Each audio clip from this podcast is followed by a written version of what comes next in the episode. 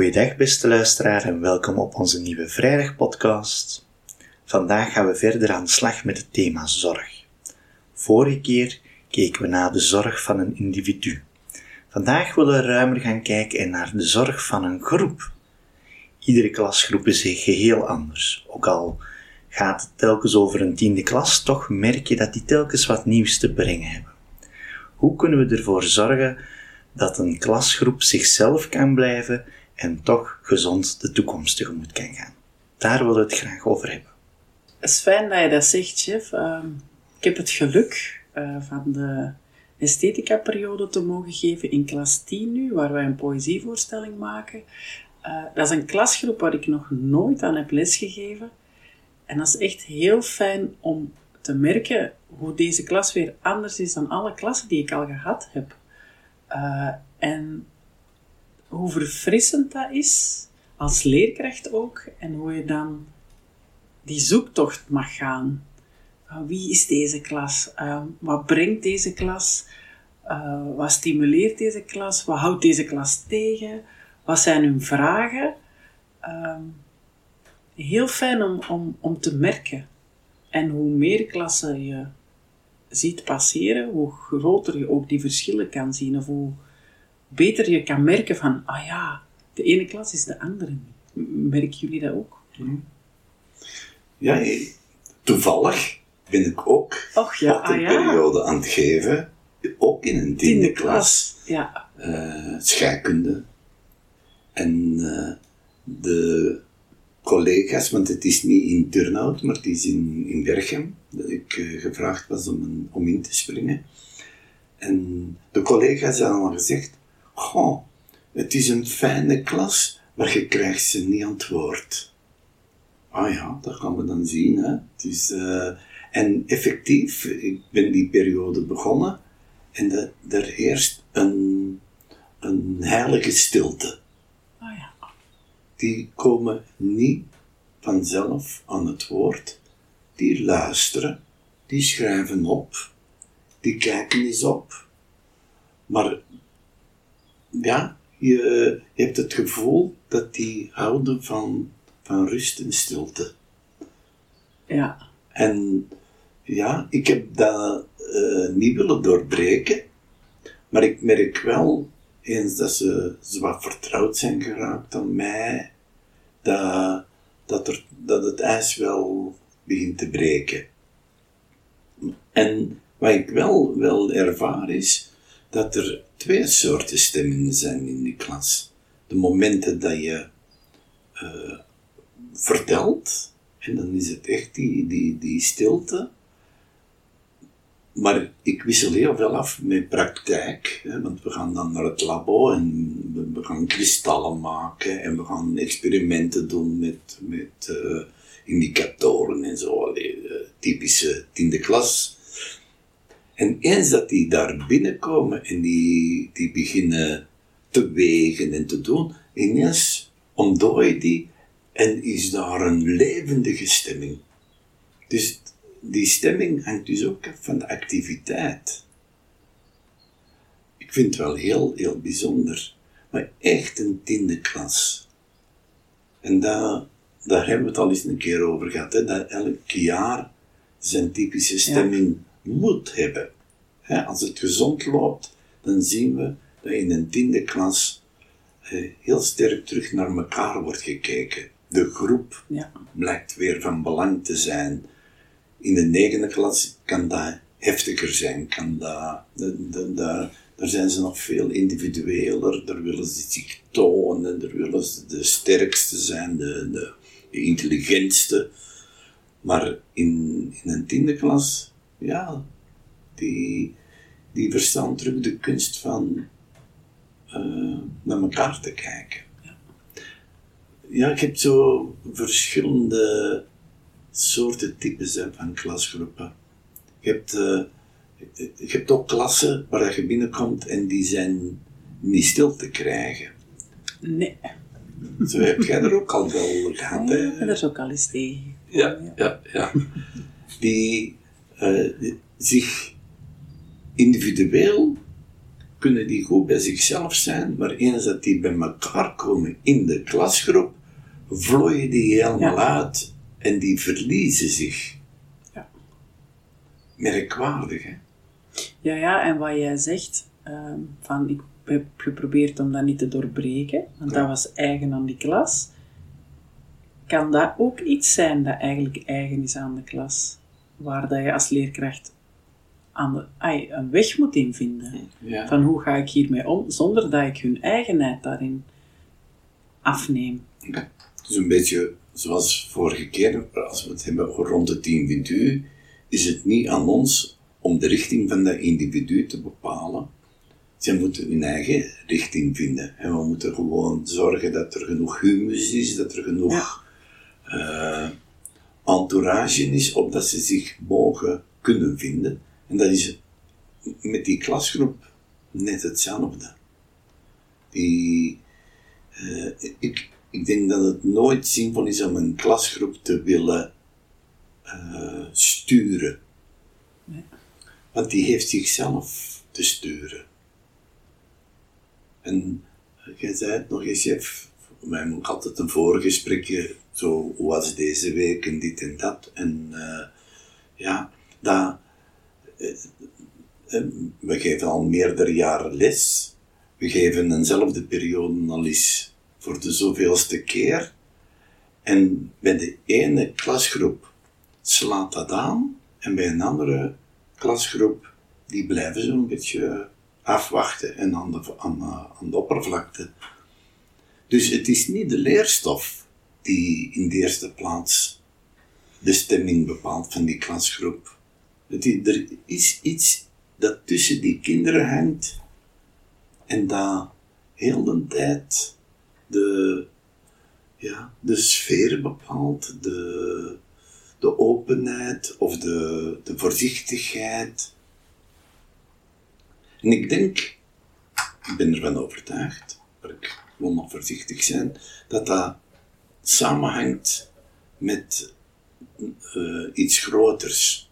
Dat iets waar dat we vroeger in de vroegere podcast zeker ook al over gesproken hebben, dat die groep met zijn samenstelling iets is dat al een voorgeschiedenis heeft. Dat die kinderen, die jongeren, niet zomaar toevallig bij elkaar zitten. Dat die elkaar te treffen hebben. En eh, een van de, de grote eh, opdrachten binnen de antroposofie, of ik zal het eerder zeggen, de, de, als je de ontwikkeling van de mensheid op grotere schaal bekijkt, dan, eh, dan weten we dat we naar een tijd gaan dat we ons niet alleen moeten bekommeren om onze eigen ontwikkeling, maar dat we ons moeten bekommeren om, om de ontwikkeling van iedereen in onze omgeving. En dat we eh, stilaan komen naar een, eh, een tijd waarin dat we de opdracht, de levensopdracht van de anderen rondom ons ook kunnen aflezen. Het is al moeilijk om eigen leven te sturen en, en af te vragen, wat heb ik te doen in dit leven? Wat wordt er van mij verwacht? Wat is mijn taak? Wat zijn mijn scherpe kanten? Waar, waar kan ik wel iets brengen eh, dat eh, vruchtbaar is voor de gemeenschap en waar moet ik me terughouden? Want, enzovoort. Maar de toekomst gaat nog veel ruimer zijn. De toekomst gaat zijn van eh, lieve collega of beste klasgenoot, ik merk dat jij daar in het leven een grote taak te vervullen hebt, nog een grote uitdaging hebt. Ik ga u daarbij helpen. En dat gaat niet in woorden uitgesproken worden, maar dat zit helemaal in het gevoel. Je voelt, en dat is in elke groep waar dat je deel van uitmaakt, je voelt bepaalde mensen waar dat je je toe aangetrokken voelt. En dat je zegt, wij gaan samen een aantal dingen doen. En je hebt andere mensen waar, waarbij je dat gevoel niet hebt. Die, dat zijn fijne medeleerlingen, of fijne collega's, of fijne buren, of zelfs in een gezin kan dat zijn, maar uh, daar, daar uh, ontstaat geen, uh, geen moet ik zeggen, initiatief tot samen daden doen, samen iets ondernemen. En dan denk ik altijd aan de allereerste voordracht van Steiner, toen de allereerste school oprichtte, werd opgericht, dat hij zei, lieve mensen, wij zijn een school van het gemoed en van de wil en niet een, een school van het, van het uh, intellect. En ik begrijp nu wel wat hij er wilt mee zeggen. Steeds meer en meer uh, besef ik dat hij daarmee de weg effent naar een toekomst via, de, via onze scholen, maar ook ruimer in de samenleving, naar een, een toekomst waarin mensen de verbinding moeten zoeken via het gevoel. En via hebben wij samen, kunnen wij samen iets uh, realiseren. En in een klas is dat ook. Je ziet heel goed leerlingen die heel sterk naar elkaar trekken, die uh, boezemvrienden worden, die het voor elkaar opnemen. En je hebt andere klasgenoten dat je zegt van, zouden die elkaar wel kennen? Hebben die wel iets? Uh, die, ik heb die eigenlijk nog nooit zien praten met elkaar. En dat herkennen, hè, dat denk ik dat al een heel grote taak is als leerkracht in onze school. Van hoe, hoe zijn de, de bewegingen binnen een klas? En ik heb ook al gemerkt dat voor elke leerling die, en elke persoon in die leeftijd tussen 12 en 18 uh, eh, heeft, heeft werkpunten, heeft dingen te ontwikkelen, maar, en heeft een zeker lot ook te gaan, maar dat voor elk, elke leerling er altijd een andere leerling is die het antwoord geeft. Je moet dat eens in doorhouden. Uh, en, en soms, dat is niet bewust, die weten dat niet van elkaar, maar je ziet uh, aan de bewegingen, aan het samenwerken, aan het elkaar soms ook mijden, maar je ziet dat er stromingen in een klas zijn waarvan je weet, dat zit hier veel dieper. Dat is niet zomaar toevallig. Dus als, als we het hebben over zorg, de, zorg in een klasgroep, dan denk ik dat wij vooral moeten gaan zoeken wat brengt iedereen mee? Hebben, krijgen we, hebben daar een gevoel voor en kunnen we daar uh, uh, mee werken? En een van de sleutels eigenlijk is uh, en daar hebben we af en toe al wel eens terloops over gesproken, is te werken met de typologieën. Ja. Wat doe je bijvoorbeeld, hè, Chef, jij staat in de middenbouw, je hebt daar uh, tussen de, de leerlingen cholerische types, je hebt flegmatische types enzovoort. Hè, je, hebt, je hebt vier. In de bovenbouw spreken we al van zeven types. Uh, hoe hanteer je dat? Hoe uh, wordt dat tot iets zichtbaars dat een instrument is om te kijken hoe kan uh, de werking in een klas stromen? Kan dat, kan dat vruchtbaar worden? Ja, ik weet niet of we daar niet eens kunnen op voortgaan. Of, uh... ik denk dat wel. Ik wou net vragen, daar zijn dan eh, richtlijnen voor? Of... Ja, ja. Er zijn zeker... Alleen, uh, dat zijn geen, geen richtlijnen die, die, die uh, hoe moet ik zeggen, te nemen of te laten zijn. Ja. Alles in onze pedagogie is een zoektocht. Hè? Ja. Dat, dat, allee, daar moeten we zeker, het mag niks dogmatisch zijn. Maar je, je moet eens kijken, zeker als we het eerst hebben even over de middenbouwklassen, zo de 12, 13, 14-jarigen, dan moeten ze allereerst herkennen wat voor temperament komt hier bovendrijven. En dat je zoiets als leerkracht bekijkt, ah, dat is een, dat is een heel melancholisch type. Naar wie trekt dat kind? Naar wie voelt die, bij wie voelt hij zich thuis? Gaat een melancholisch kind naar een cholerisch kind toetrekken? Of net niet? Alleen nog maar daarmee bezig zijn, hè? dat is een weldaad voor de kinderen. Want die voelen dat. Die voelen aan kleine uitspraakjes van je van, ah, verschiet er niet van. Je mocht groepjes vormen, verschiet er niet van dat jij met, met, die, Ja. met die persoon eh, wilt samenwerken. Ah, dat is interessant. En je maakt hen er zelf onbewust ook wakker voor. Waarom trek ik altijd naar die kinderen? Wat hebben die mij te geven dat ik zelf niet bezit? En wat ik ook heel eh, opvallend vind is dat naar het, e- want, want die temperamenten zijn ook in de lagere school al eh, merkbaar, dat die naar het einde van de achtste klas aan het veranderen zijn. Daar kunnen we het misschien eens over hebben. Eh, ik, ik heb het al verschillende keren ervaren dat een, een temperament uitgewerkt geraakt. En dat is heel mooi, want dat betekent dat met dat, dat temperament, eh, dat er nieuwe elementen beginnen te spelen die dat temperament beginnen te, om te vormen.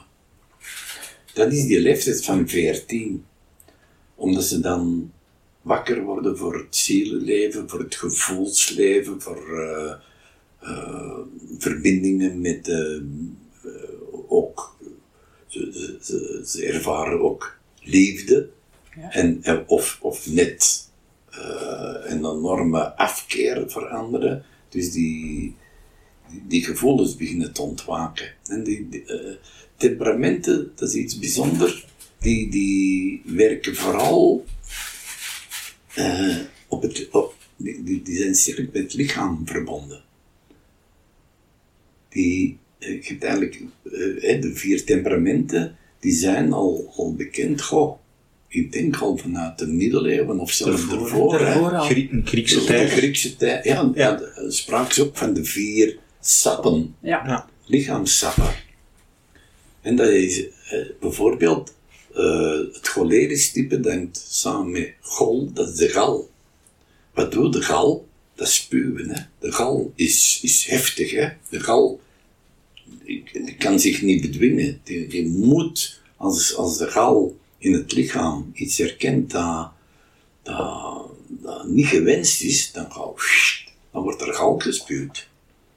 Dus eh melanchol is de zwarte gal. We spreken ook van, ja, maar dat is wel iemand die zwartgallig is. Dat is, dat is een, een ander sap, dat is het sap dat, dat, neerslaat, dat, dat, niet spuwt, maar dat u naar beneden trekt. Melancholische kinderen zijn heel aards, heel sterk met het lijden van de, van de wereld, van de klas. Als, als er iets in de klas misloopt, dan zie je die mee naar beneden getrokken worden, die melancholische kinderen. Zo hebben die, die vier, sanguinis, sang, is, is, is sang, is bloed. Ja. Die- de, de, de bloedstroom die, die, die hen de hele tijd eh, in beweging brengt en, en, en wakker. Het zijn wakker kinderen, bewegelijke, eh, die geen rust vinden. Ja, die bloedstroom zal ook nooit rusten, die moet blijven stromen. En dan hebben we nog de flegma, hè? Dat, is- dat zijn de slijmen.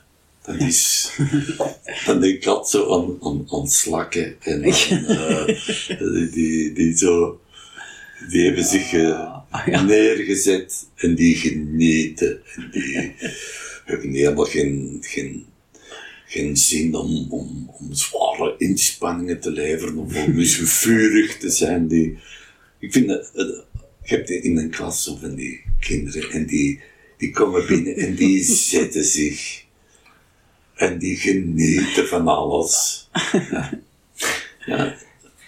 De, en, en dan is het, eh, ja, ik, ik vind dat boeiend om te kijken wie trekt naar wie. Ja. Want zet maar eens, en, uh, zet maar eens een cholerisch kind naast een uh, flegma kind. Carmen als lakske. Ja, ja. dat is... Uh, ja.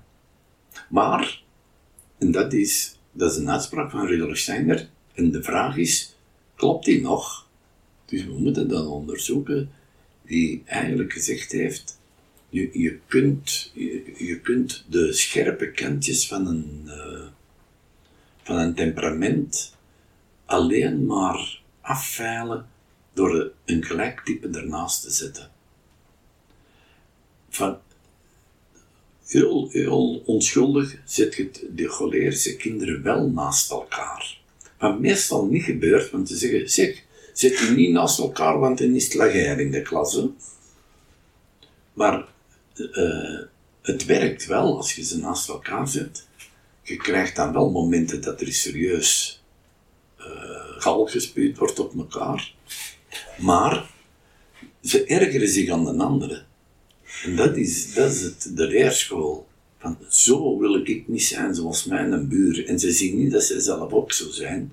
Maar ze, ze beginnen aan zichzelf te veilen en, en, in te binden. En, en, op te letten dat ze niet altijd direct op alles commentaar hebben. Maar eigenlijk een, een uh, ideale zevende en achtste klas is een klas waar die vier temperamenten aanwezig zijn. Jij zult dat ook wel zien. Uh, als jij verhalen vertelt, hoe dat die types op, op een verhaal reageren. Ja, dat is wel leuk. Hè?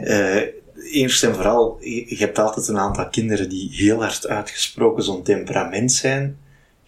Als je verhaal begint en uh, dan zie je die daar op bepaalde stukken inpikken van, oh, dit gaat voor mij. Hè? Zo, zo'n flegmatisch kind, als je over die ontdekkingsreizigers bezig bent en begint met dat daten, dat dan in grote vaten wordt aangerold en die details daarvan en dan, dan zie je dat kind in zijn element komen en zo meebewegen met die vaten die over dat dek rollen. En, maar dan ook langs de andere kant, dat je dan de kapitein beschrijft, die dan op dat dek stampt met zijn voeten van, come on, allemaal aan de slag, dat die cholerische kinderen dan zeggen, dit is ons stuk, hier mogen we. En zo, het, het, uh, hoe dat je daar door je verhalen, door de manier van spreken en tempo en de acties die daarin liggen, kunnen die wel zo allemaal eigenlijk hun, hun moment geven dat die zeggen, dit is echt nu helemaal voor mij. Ja, ja, ja. Het is zo leuk, om, en het is ook zo leuk, want je hebt altijd wel ergens een enthousiast publiek zitten, hè, waar, de, waar, het, waar het de flegmaticus zegt van, nee, dit is niet voor mij, zit er dan wel een andere enthousiaste wezen. Ja. En het is net ook die, die afwisseling dat het als verteller zo leuk maakt, maar ook als, als publiek eh, krijg je daardoor een palet en geen eenzijdigheid. Ja. En uh, daar zit dan ook weer dat stuk wat we al eerder hebben gezegd, van ja, die vertelstof is ook een stukje uh, ontwikkelingsstof, omdat je daar eigenlijk ook al die veil eigenlijk boven haalt om van die temperamenten is af en toe eens een scherp stukje af te halen, wanneer dat bijvoorbeeld gaat over iemand die altijd maar het voortouw neemt en cholerisch tekeer gaat. In het begin is dat leuk voor zo'n cholericus, maar op een gegeven moment is dat ook wel een lastige spiegel. Ja, ja. ja. Ik vind dan wel zo de vraag... Um, we hebben die types, je hebt um, richtlijnen van hoe daarmee om te gaan. Uh, in hoeverre moet je als opvoeder dat... Want eh, die klas doet ook appel op jou. Dat is ook een afspraak eigenlijk, hè, die je ooit hebt gemaakt de klas naar jou, jij naar de klas. In hoeverre grijp je daarin in of, of, of faciliteer je eigenlijk hetgeen dat kan gebeuren? Zet is een, twee cholericussen naast elkaar. Eh, is dat genoeg om dat systeem zichzelf te laten sturen? Of hoe ver grijp je daarin in? Snap je wat ik bedoel? Ja. En altijd... Ja, hoe, hoe, hoe, groot, hoe groot is uw rol? Ja. Mogen de groep veranderen in functie of- van uw les? Of, Ja. ah ja, of, of hè, in functie van het in de stroom meelopen? Ja, of, of geef je ze de tijd om de ontwikkeling die ze nodig hebben. Ook al zie je als opvoeder eigenlijk is dringend eh, dat, je dingen, dat je ingrijpt of dat je dingen eh, een beetje kneedt. Of laat je dat, dat systeem dat eigenlijk zelf doen, omdat die groep ook appel doet op elkaar. Ja. Ja, ik- naar mijn aanvoelen eh, stuurt de groep zichzelf. Ja. Maar moet je als leerkracht wel de, eh, de dingen aanbrengen opdat er beweging kan zijn. Ja. Want je Ja. kunt niet sturen als alles honkvast zit. Ja. Eh, dus wij hebben die groep, wij voor die groep geen, geen, geen sfeer te bepalen, geen klasmentaliteit. Dat, dat, dat brengt die, die groep wel van zichzelf. Maar als je, eh, eh, het is wel zo, en dan moeten we goed kijken, eh, bepaalde groepen die een beetje op elkaar inwerken, zodat er altijd onrust is, dan brengt dat wel met zich mee dat er heel veel door die onrust eh, niet kan aankomen. Ja. Dus eh, ik denk niet dat je als, als, als leerkracht door de vorm, als, eh, je brengt een vormkracht aan binnen die klasgroep, dat je die wel zo moet hanteren dat er elementaire voorwaarden kunnen voldaan worden opdat die les kan aanwezig zijn, eh, dat die kan eh, renderen. Maar die vorm mag niet zo strak zijn dat er geen eigen beweging Ja. kan ontstaan. Dat zijn eh, leerkrachten die, die en, en, men moet doen wat dat men vindt dat men moet doen, hè, maar eh, die zeggen, ah, maar ik heb eh, PO en bij mij mag de radio opstaan en mag er eh, muziek zijn als ze maar aan het tekenen of schilderen zijn. Ja, dat kan, dat kan. Eh, Er zijn mensen die thuis ook altijd muziek hebben opstaan als ze werken of studeren. Maar je moet wel kijken, is dat wel zo voor, voor het gros van de klas? Want als, als er leerlingen heel de tijd afgeleid zijn en heel de tijd, oh, wat is het volgende liedje en wat is dit en dat, ja, dan, dan versnippert gewoon weer de aandacht. Dus, dus ik denk dat er is ook weer geen eenduidig Nee, nee, antwoord. nee. Het, het komt er altijd op neer, je moet als leerkracht heel de tijd waarnemen. Waarnemen, wat doet dat? Hoe werkt dat in op deze klasgroep? Eh, ben ik te strak? Ben ik te, te, te vrijblijvend? Welke is, en dan een tijd beginde uw eigen verbinding met die klasgroep te vinden en zeggen van ik kom binnen en ik weet dat ik dit moet als sfeer mee binnendragen, opdat die klasgroep zich kan, kan, eh, dat die kan stromen. Ik heb klassen waar dat ik heel streng moet zijn, en je hebt andere klassen dat je eerder het gevoel hebt van je komt binnen en je begint met iets heel luchtig te vertellen, iets los te maken. Eh, Dat, is de, de- ja, dat de sfeer er is op dat ze zich zouden kunnen durven tonen.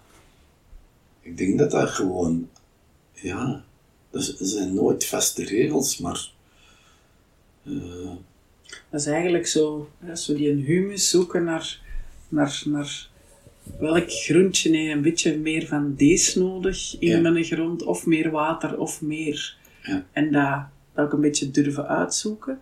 ja. En het dan, dan erop vertrouwen dat die zaadjes hun werk gaan doen. Hè. Ja. Maar, Ja, maar, maar, want eigenlijk, allee, als we het nu nog altijd hebben over de middenbouw, dan, eh, dan is het toch wel heel belangrijk dat de, voor elk kind in een zevende of een achtste klas eh, het duidelijk moet zijn dat die vier temperamenten evenwaardig zijn. En elk een kwaliteit vertegenwoordigen Ja. die ze zelf niet bezitten. Ze bezitten er een paar van. Hè. Ze zijn uitgesproken eh, bijvoorbeeld eh sanguinisch. En een klein beetje misschien af en toe iets cholerisch. Maar helemaal niks van melancholie of van flegma. En toch moeten ze die, die, diegene die ze, waar ze helemaal geen verwantschap mee hebben, toch naar waarde gaan schatten. Want die brengen iets bijzonders, hè? de flegmatische en melancholische kinderen. Eigenlijk gaan die naar de diepte. ja, Terwijl de anderen aanraken en al direct een, een nieuwe beleving willen, die, eh, dat leidt tot, ja, op, op, tot een stukje oppervlakkigheid. Tot, eh, kom, eh, lang genoeg over gehad, nu iets anders. Terwijl de flegmatische kinderen, die stoppen niet. Die, die willen altijd maar nog en nog en nog. En de melancholische, ja, die zie je de hele tijd mijn ogen al, al wegdwalen en die zijn over het leed van, van de wereld al eh, die, die denken na over, over dingen die misschien gisteren thuis zijn gebeurd en, en, of, of wat dan ook. En wat doe je dan met klassen? Ik weet niet of dat, of dat ja, bestaat wel. Eh, stel zo'n heel klas vol cholerici. Hè, want eh, het is altijd ook een, een, een, een in evenwicht brengen of zo. Hè? Die vier typologieën brengen elkaar ook in evenwicht. Of een klas vol melancholici. Hè? De- Ja, aangezien dat, dat het aanvullend moet zijn, heb jij dan als leerkracht wel een grote, Ja. een grote taak te vervullen. Want ja, als dat allemaal inderdaad eh, cholerische types zijn, dan moet jij, eh, dat is genoeg aan bod. ja, En, en daar zullen moeten bij eh, vaststellen dat je die cholerie zijn gang moet stuk laten gaan. Ja. En je zult een, een, een zekere afgrenzing moeten van eh, zaken dat je zegt van, hé hey mannen, van mij mag je eens afgeven, maar dat wil ik niet. Die, die afspraak, er wordt geen eh, taal gebruikt die, die ik ontoelaatbaar vind. En ik zal wel aangeven wat voor mij ontoelaatbaar is en dit en dat. Dus je moet dan... Maar de grootste taak ligt eerder in het aanvullende. ja, Datgene wat zij niet Ja. in zichzelf eh, aanwezig hebben. ja. En dat ga je dan, dan ga je eigenlijk als opvoeder wel ehm, heel bewust ingrij- eh, ingrijpen. Heel bewust Ja. evenwicht brengen of balans brengen. Want ingrijpen is een... Ja, Ja, door bijvoorbeeld in de, in de verhalen, zoals je zei, van de geschiedenis, eh, of in Nederlands, we hebben heel mooie verhalen die we brengen in, in de, waarbij zelfs die, die cholerische kinderen, dat je ziet dat ze af en toe moeten slikken om geen tranen te krijgen Ja. van aandoening voor, voor het ingrijpende dat Ja. daar eh, wordt, Ja. wordt verteld. De- dus, oh ja, dat is, maar ik, ik heb daar nog niet zo heel veel meegemaakt, zo de heel extreme klassen.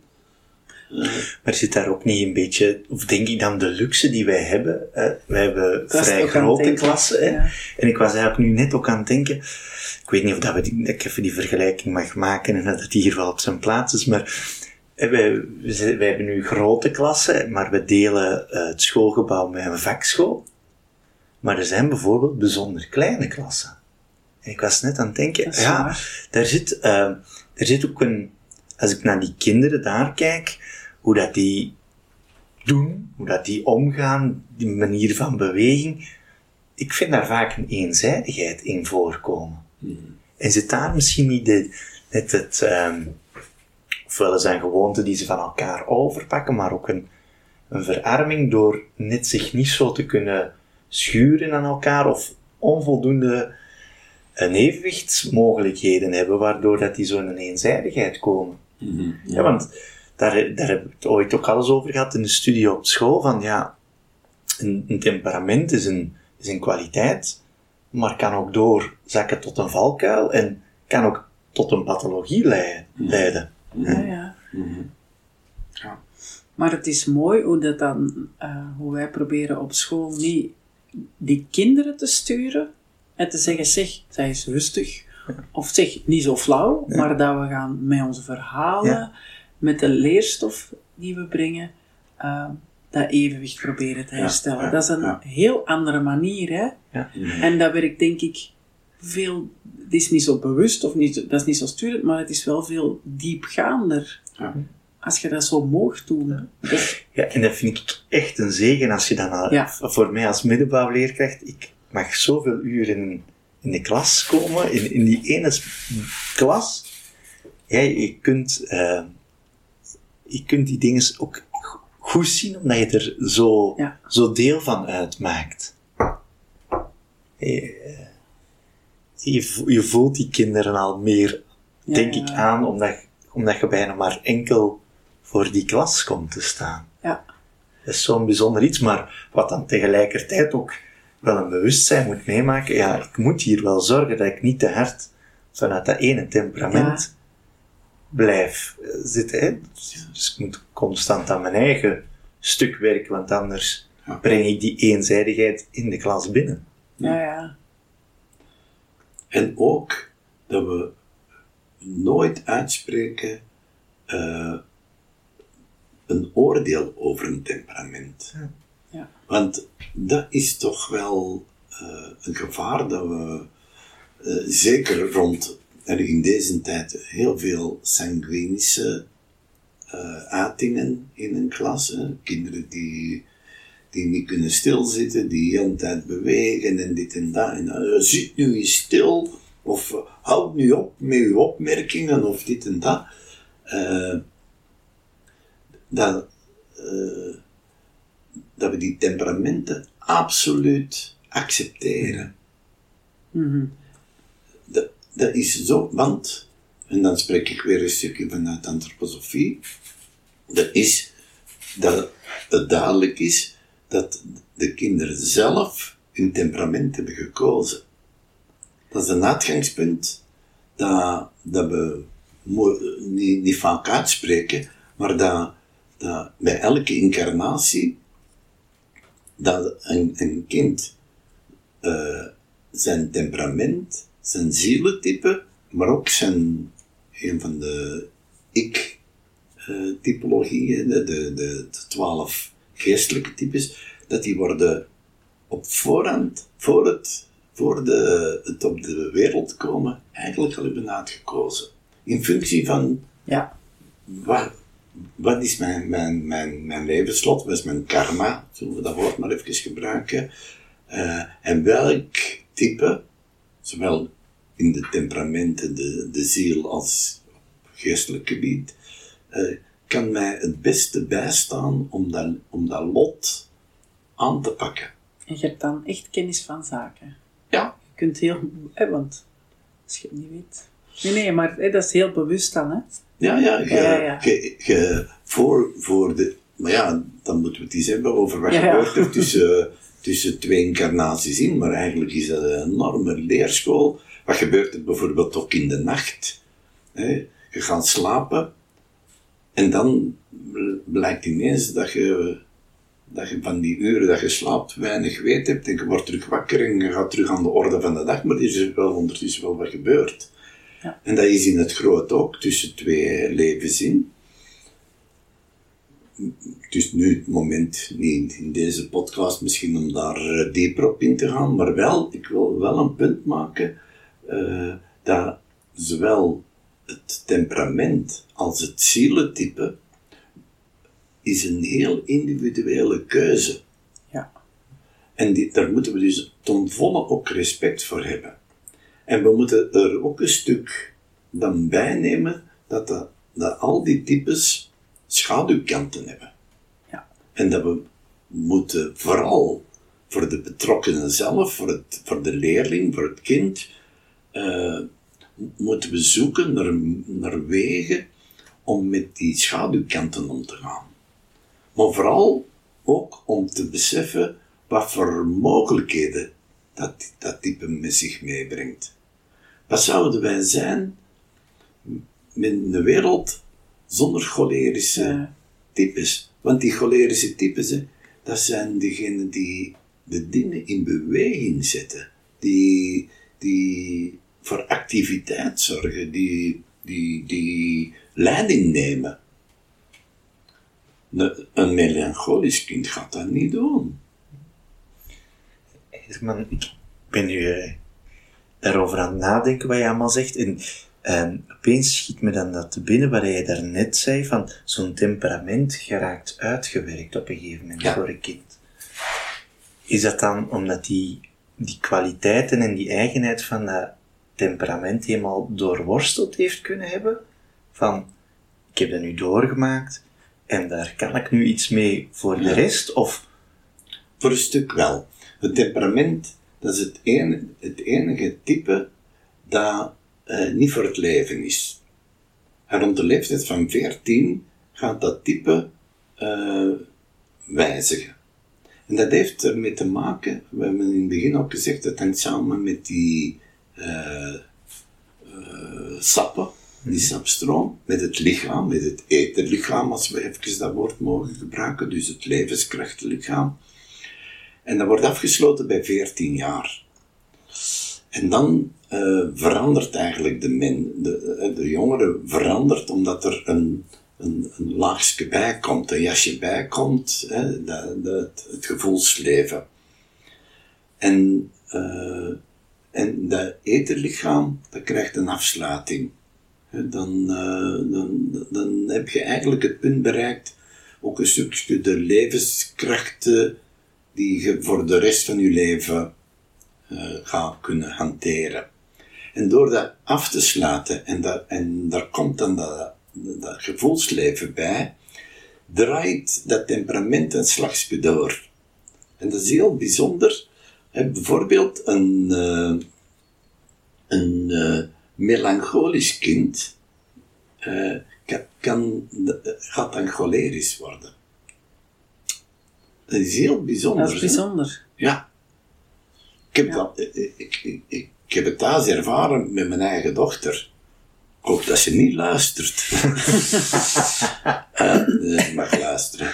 Maar de, die, al- als, als eh, lagere schoolkind, als je daar naar kijkt, dan deed hij al, kijk me niet aan. Die, die, die, die, die, dat was iemand die eh, meester was in het lijden. Zo van, eh, ik heb het niet gedaan. Zo, en zo. Ja. En ik, ik weet nog heel goed, ze ging van de middenbouw naar de bovenbouw. Het was zo al einde achtste klas. En ja, ze zat dan in de school waar dat ik ook eh, les gaf. Dus de collega's kwamen, amai, uw dochter, wat is daarmee? Ik zeg, oei, wat is er? En die, die, die was een furie aan, het- aan het worden.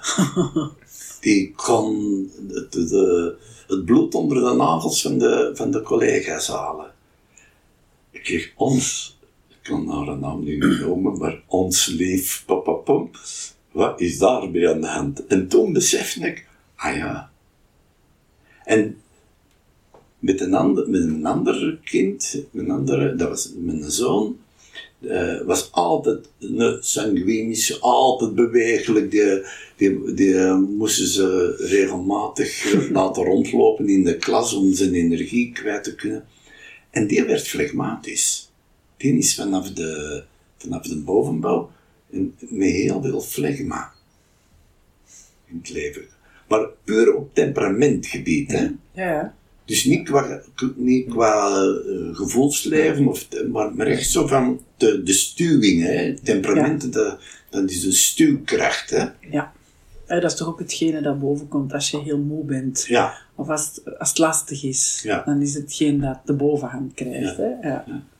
maar dat is wel, allee, in die zin is het temperament, eh zindert nog wel na in het, in het volwassen leven, maar heeft eigenlijk, zou dat niet meer zo de, de bovenhand mogen krijgen. Maar dat het verandert, dat heb ik al, eh, dan, je moet eens kijken naar, naar eh, als je, als je wij, je leerlingen van je klas in 7 en 8 getypeerd hebt, en je doet dat dan een paar jaar later, en je zegt, ja, verdorie, het is, het is wel veranderd. Ja. En dan in de bovenbouw krijg je dan ja, een heel andere insteek. Hè. Dan is het van, hoe verhoud ik mij als persoon ten opzichte van de buitenwereld? Dan is het ik en de buitenwereld. En dat kan op zevenvoudige wijze. En dat is voor het leven. Ja. Dat is echt, eh, je bent een, eh, een Mercuriaal type of je bent een Jupiter type. Je kunt dat met de planeten benoemen, je kunt dat ook eh, op een andere manier benoemen, maar dat is iets dat je toch wel ja, voor, de, voor de rest van je leven met je meedraagt. En dat is ook weer bijzonder, hè? want dat komt dan vanaf de negende klas ongeveer. Komt dat vrij, maar dat moet nog tot ontwikkeling komen. Ja, ja, ja. En dan heb je ook weer die groep, want dat is iets heel individueel.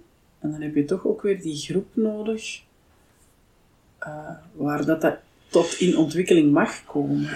En ook dat het allemaal mag zijn en evenwaardig is. Ja. Dat er weer niet een beter type is, of, of een makkelijker of een slimmer, of maar dat het heel individueel is, maar toch ook heel aanvullend aan elkaar als groep. Ja, en daar zit dat stuk wat je dan zegt, Griet, zo tot ontwikkeling kunnen komen. Ja, Dus echt. Dat wil ook zeggen dat er een aantal voorwaarden moeten Ja. zijn voordat dat kan gebeuren. Ja. want dat zou even goed ervoor, als het er niet is, dat een persoon zich nog eens kan ontwikkelen in dat zielstuk. Ja, ja, ja. In verhouding naar de wereld toe. Ja.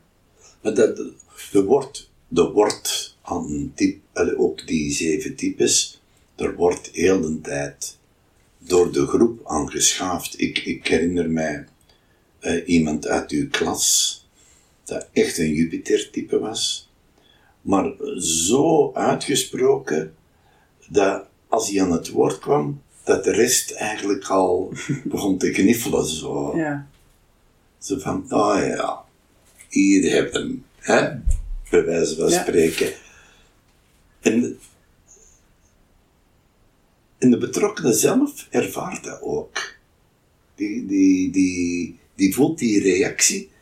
En ik heb ook gemerkt dat, dat dan eh, door die reactie de, de uitgesproken kwaliteiten van zo'n type ook wel een beetje ingebonden worden. Ja. Oei, als ik zo mij laat gaan in mijn typische kwaliteiten van mijn type, dan, eh, dan stoort dat ook wel een aantal anderen.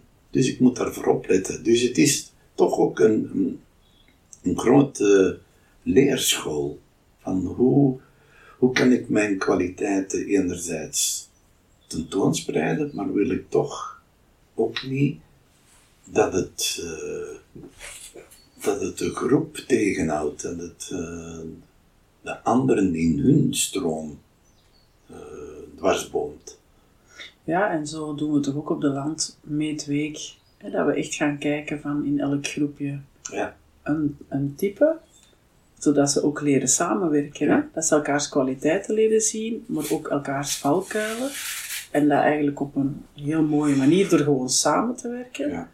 ehm één ah, zo in balans brengen. Maar het vraagt toch ook een groot eh, inzicht eigenlijk, of een willen een willen groeien. Je kunt, die, je, kunt dat, je kunt dat faciliteren en, en proberen uh, aan te moedigen. Maar het vraagt ook van individuen de mogelijkheid en de moed om dat te doen. Hè? Om naar jezelf te kijken en um, eigenlijk te willen groeien en veranderen. Ja. Ja, ja maar dan, dan, dan zit je echt op het niveau van, van de vrijheid. Hè? Ja. Je kunt niks opleggen. Je kunt niet zeggen, en jij moet veranderen, of jij moet aan je scherpe kantjes werken, want je, uh, je, kunt, je kunt dat misschien wel aangeven, maar als de betrokkenen het niet doet, doet hij het niet. Hè? Nee, nee, nee. nee. Dan, zal, dan, dan spreken we van iemand die hardleers is, die, uh, die, toch uh, eigen gereid zijn ja, vrij eh, extreme weg wil blijven gaan. En dan zal het leven op zich, ja, de scholingsweg zijn. Van, ja. dan zullen nog regelmatig botsen, nog regelmatig vastlopen, schuren tegen mensen waarmee ze in de toekomst eh, veel zullen te maken hebben. Partner, collega's, buren ja. Maar we kunnen nooit iets opleggen aan een ander.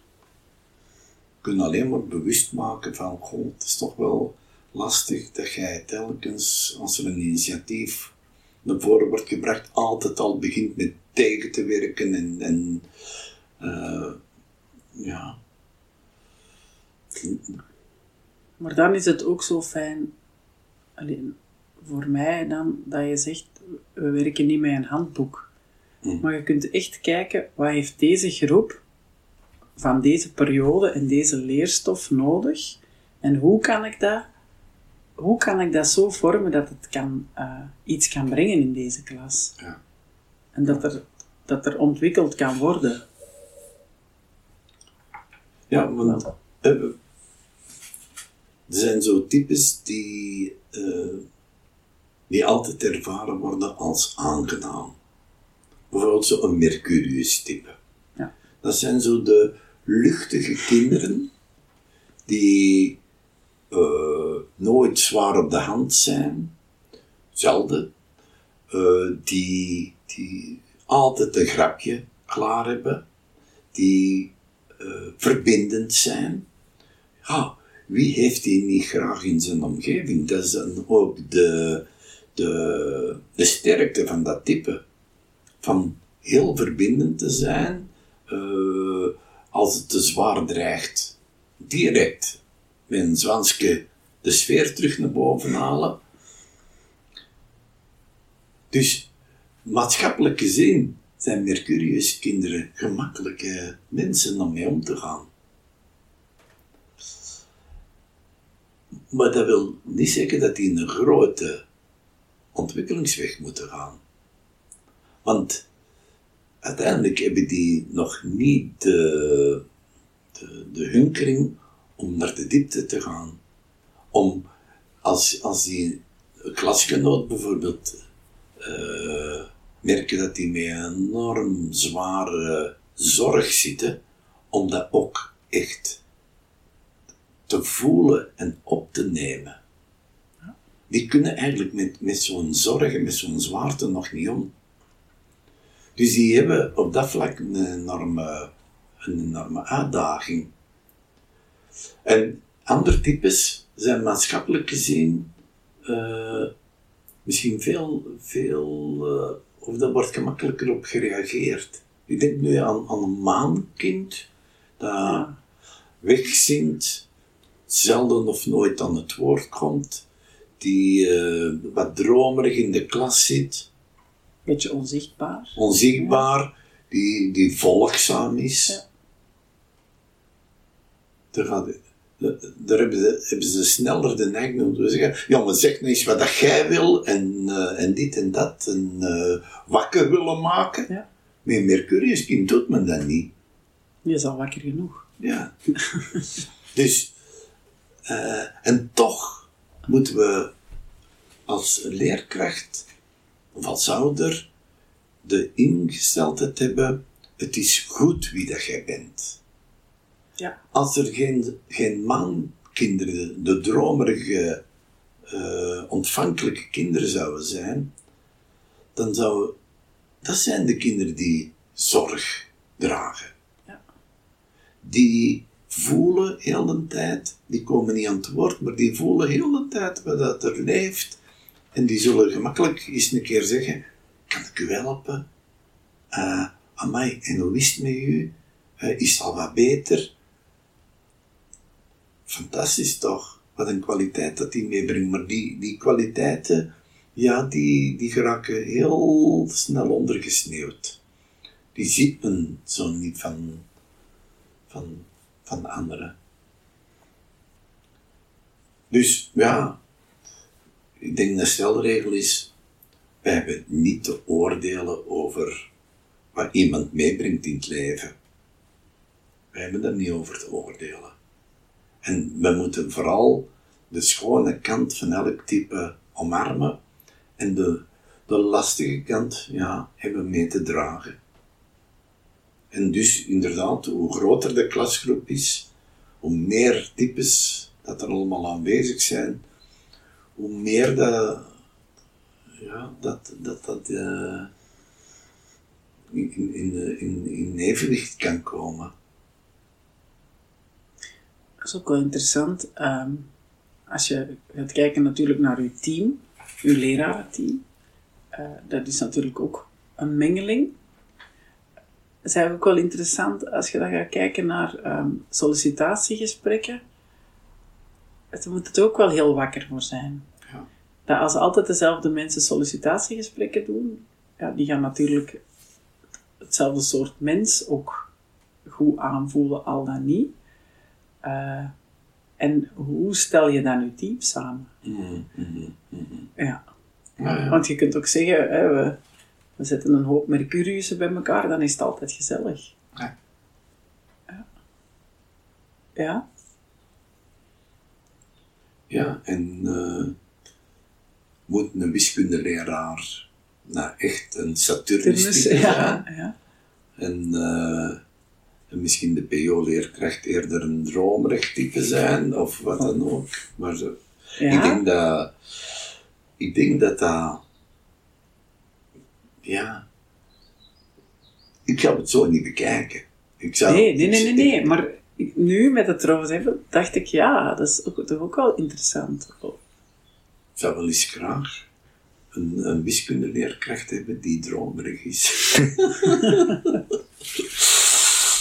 Of een PO-leerkracht die hè, martiaal is. ja, ja, ja. Ja. Vurige kleuren. Ja. Ja. Ja, het is eh, inderdaad. Maar natuurlijk, als je het hebt over aanname van collega's, dan speelt er nog meer dan. Ja. Dan, dan, is het, dan gaat het ook over.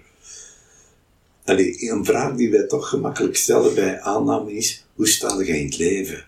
Waar Ja. raakt u in de wereld? Waar ben je op. ge- Allee, waar ben je door geraakt? Hoe, hoe, hoe breed is uw kijk op de wereld? Maar eigenlijk is dat team hè, ook hetzelfde.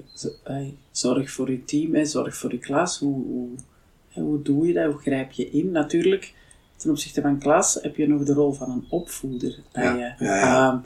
dat je overschouwt en zorgt dat de condities goed zijn. Dat, dat, dat is eigenlijk uw taak. Hè. Zorgen dat kinderen alle kansen krijgen om mooi te ontwikkelen, goed te ontwikkelen, gezond te ontwikkelen. Natuurlijk, met een team is dat nu uw taak. Hè. Ja, Daar. Maar daar is het ook wel een kwestie van elkaar allemaal te zien om wie je bent en te aanvaarden om wie je bent. Hè. Maar het zou mooi zijn dat we zowel in het lerarenteam als in, bij de leerlingen minder gefocust zijn op dat willen we afveilen Ja, tuurlijk. en iets meer zouden we leren ons focussen op het mooie Ja. dat, dat er wordt gebracht. Dat, dat er kan gezegd worden na een vergadering, amai, je wordt wel heel martiaal. Maar wel bedankt. Ja. Want we waren niet wakker genoeg. Ja, absoluut. hè, dat, of, of, of, of tegenovergestelde. Van, chance dat jij zo op een gevoelige manier kon, kon verwoorden wat deze situatie met ons doet in het lerarencollege. Eh, bedankt voor die gevoeligheid. Ja, absoluut. Want ja, het is toch, eh, ik weet niet, is dat des mens om toch eh, vooral je te focussen op datgene wat je lastig vindt, in plaats van op datgene wat aan schoonheid wordt, wordt gebracht, eh, mee wordt gebracht. Ik weet het niet. Alle alle types samen brengen pas harmonie. Ja. Ook de extremen moeten af en toe aanwezig zijn om de ander wakker te maken, om, om te beseffen van, oh ja, er is nog, zijn nog heel wat andere kanten van de medaille. En ik denk dat dat dat ook voor in een klasgroep, dat dat zo eraan toe gaat. Dat leerlingen zich kunnen ergeren aan de extreme kant van anderen, maar langs de andere kant ook wel voelen dat het ook een stuk van de waarheid is. Ja. Dat het ook een stuk van, de, van het leven is dat ermee wordt binnengebracht. Maar dat is ook wel de beweging die we met onze klas proberen te maken, hè, tot in de twaalfde klas. Om te zien in de elfde klas, die verschillen zijn er, die mogen er zijn, die Ja. moeten er zijn. Om dan in de twaalfde klas alle verschillen bij elkaar te leggen en te zeggen, waar is op dit moment het midden? En het juiste en het goede, waar morgen een andere midden kan zijn. Ja. Ik denk dat dat de grote beweging is. En ik, ik vind dat je ook vaak voelt dat onze leerlingen heel mooi ehm, elkaars kwaliteiten zien. Als zij feedback geven met presentaties van de eindwerken of, of met dingen dat gebeuren in de klas. Zij zullen nooit alleen de slechte dingen zeggen. Zij zullen heel vaak ook alle goede dingen zeggen. Ja. Om, omdat ik denk dat dat er wel mag zijn. Ja. Ja, en het mooie is, zij doen dat oprecht. Ja, Zij, Ja. zij doen dat, eh, als volwassenen zouden het soms misschien wel doen omdat het toch wel goed is dat ook eens een goede kant wordt. maar, maar, zo zijn kinderen, allee, zo zo zijn jongeren niet. Die zijn wie dat ze zijn en die zeggen vlak af, amai, dat was knap wat jij gedaan hebt. Ja. Dat zou ik nu nooit gekund hebben. God, dan moet het toch wel opleven, hè? dan moet het toch wel eh, eh, even Ja. dankbaar zijn dat mensen dat hebben opgemerkt. Eh, als, ik, als ik dit allemaal hoor, ehm, ja, dan kunnen we, het- kunnen we toch maar besluiten dat we eigenlijk niet doen aan expliciete zorg, waarin dat we, ja, dat doen we wel natuurlijk, maar in het algemeen dat we met klassen op een zorgende, gezonde manier aan de slag willen gaan. Zonder per se uitgeschreven stappenplannen, als dit dan dat, als dit dan dat, maar dat we eigenlijk fundamenteel een, een gezonde voedingsbodem willen voorzien.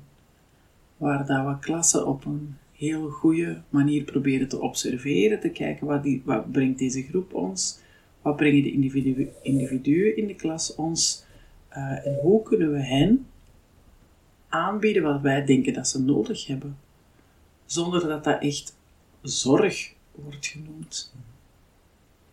Ja, het zit een stuk in preventie, hè. Ja. Bijna, door dat zo aan te bieden. Dat stuk, waar zo mooi gezegd is, ja. Het tot ontwikkeling laten komen, omdat we de voorwaarden scheppen. En Ja. dan voelt het ook niet aan als zorg, hè. Nee, nee, En dat, dat is ook dat vaak wat, wat ouders ervaren als ze zeggen, ja, mijn kind heeft wel wat zorgen over, terwijl als die in een klas komen, dat dat soms al opgelost kan zijn.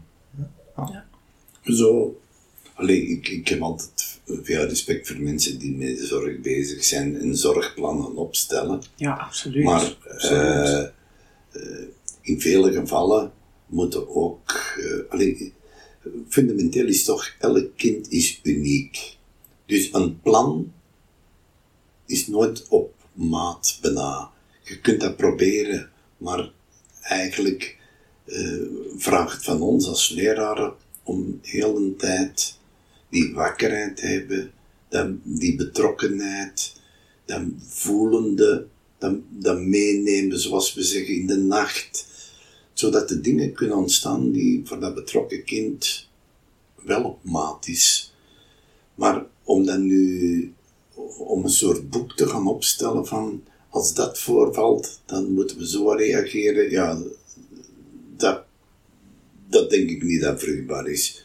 Dus ja, vooral, en veel overleg met de leraren. Hè. Ik vind dat trouwens altijd heel bijzonder als er eh, tussen in de pauzes, dat ik hoor dat leraren over een bepaald kind bezig zijn en ervaringen uitwisselen. En dan zeggen, ah, is dat bij jou zo? Oh, bij mij ervaar ik dit. Oh, hoe zou dat komen dat het zo verschillend is? En beginnen en onderzoeken. We moeten echt heel de tijd op zoek gaan naar de juiste inslag om een kind vanuit een te bevrijden eigenlijk van een eenzijdigheid. En ja, in die zin, wat jij zegt is kl- klopt, zorg. eh, wat heeft dit allemaal met zorg te maken? Ja, eigenlijk proberen we preventief te werken. We proberen eigenlijk al een sfeer te creëren waarbij dingen eh, ja, zichzelf een stuk tot een oplossing brengen. Omdat men zich veilig voelt, omdat men zich gezien voelt, omdat men zich gewaardeerd voelt. Ook de sfeer van, je mag hier fouten maken. Ja. Je gaat daar niet op eh, vastgepind worden. Elk kind gaat- doet wel eens een uitschuiver. Moeten we ze daar nu eh, direct in de klasagenda een nota voor geven? Nee, dat hoeft toch niet? Ja, En het is ook, eh, denk ik, in, in een stukje aanvaarding. Ja. Dat niet alle kinderen en alle klassen hetzelfde moeten zijn, maar dat er individualiteit mag zijn, die niet altijd misschien is wat je zelf zou doen of zou, zou willen, maar dat dat ook oké is. Ja. Ook in die klasgroepen, hè? En een grenzeloos respect hebben voor elk kind. Dat Ja. is de... Je mocht nooit over een kind in je gedachten nog maar hebben van, ah, maar wat is dit, wat is dat? Maar een, een, echt een grenzeloos respect. En, excuseer, het zat in mijn keel. Eh, ook altijd bedenken van wat ik naar dit kind toe uitspreek, gedaan heb, eh, zal ik, als ik dat kind binnen 15 jaar terug tegenkom, als volwassene, nog recht in de ogen kunnen kijken en zeggen Ja. Met andere woorden, een kind kwetsen of, of, eh, of, of vastpinnen op iets. Of, eh, nee, ik hoop dat we dat niet toelaten.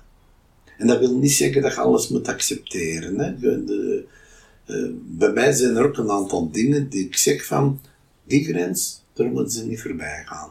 Dat neem ik niet. En dat kan mijn gevoeligheid zijn, en bij een ander leerkracht ligt die grens ergens anders.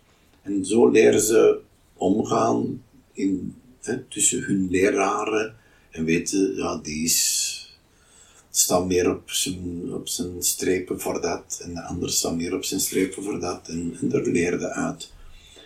Ja, maar ja, een open, vrije, we zijn niet, niet voor niks een vrije school, een vrije sfeer waarbij de vrijheid aan iedereen gegund wordt. En niet alleen aan zichzelf. En natuurlijk, ehm, als je zo... Dat zijn, dat zijn eigenlijk basisvoorwaarden om jongeren en klassen tot een goede ontwikkeling te brengen. Maar dat vraagt toch ook wel wat van, van onszelf als opvoeder. Om dat onbevangen te kunnen doen, eh, zonder dingen van jezelf bij die klassen te leggen, bij leerlingen te leggen, eh, zouden we volgende keer eens kunnen kijken naar eigenlijk de, de scholingsweg of de voorwaarden van wie moeten we zijn, wat moeten we doen, wat moeten we kunnen als opvoeder, om dat op zo'n manier zorg te kunnen dragen voor klassen en voor leerlingen en voor collega's Ja. en voor de school. Lijkt jullie dat een goed idee? Ja, Oké, mooi gezegd. dan gaan we dat doen. Eh, beste luisteraar, dank je wel om weer te luisteren. Eh, fijn dat jullie er hierbij waren, bij Herman thuis, met de vogeltjes op de achtergrond. Eh, mocht u nog vragen hebben, mocht u suggesties hebben voor een volgende podcast, dan kan dat altijd op vrijdagpost.msvturnout.be. Heel hartelijk bedankt om te luisteren.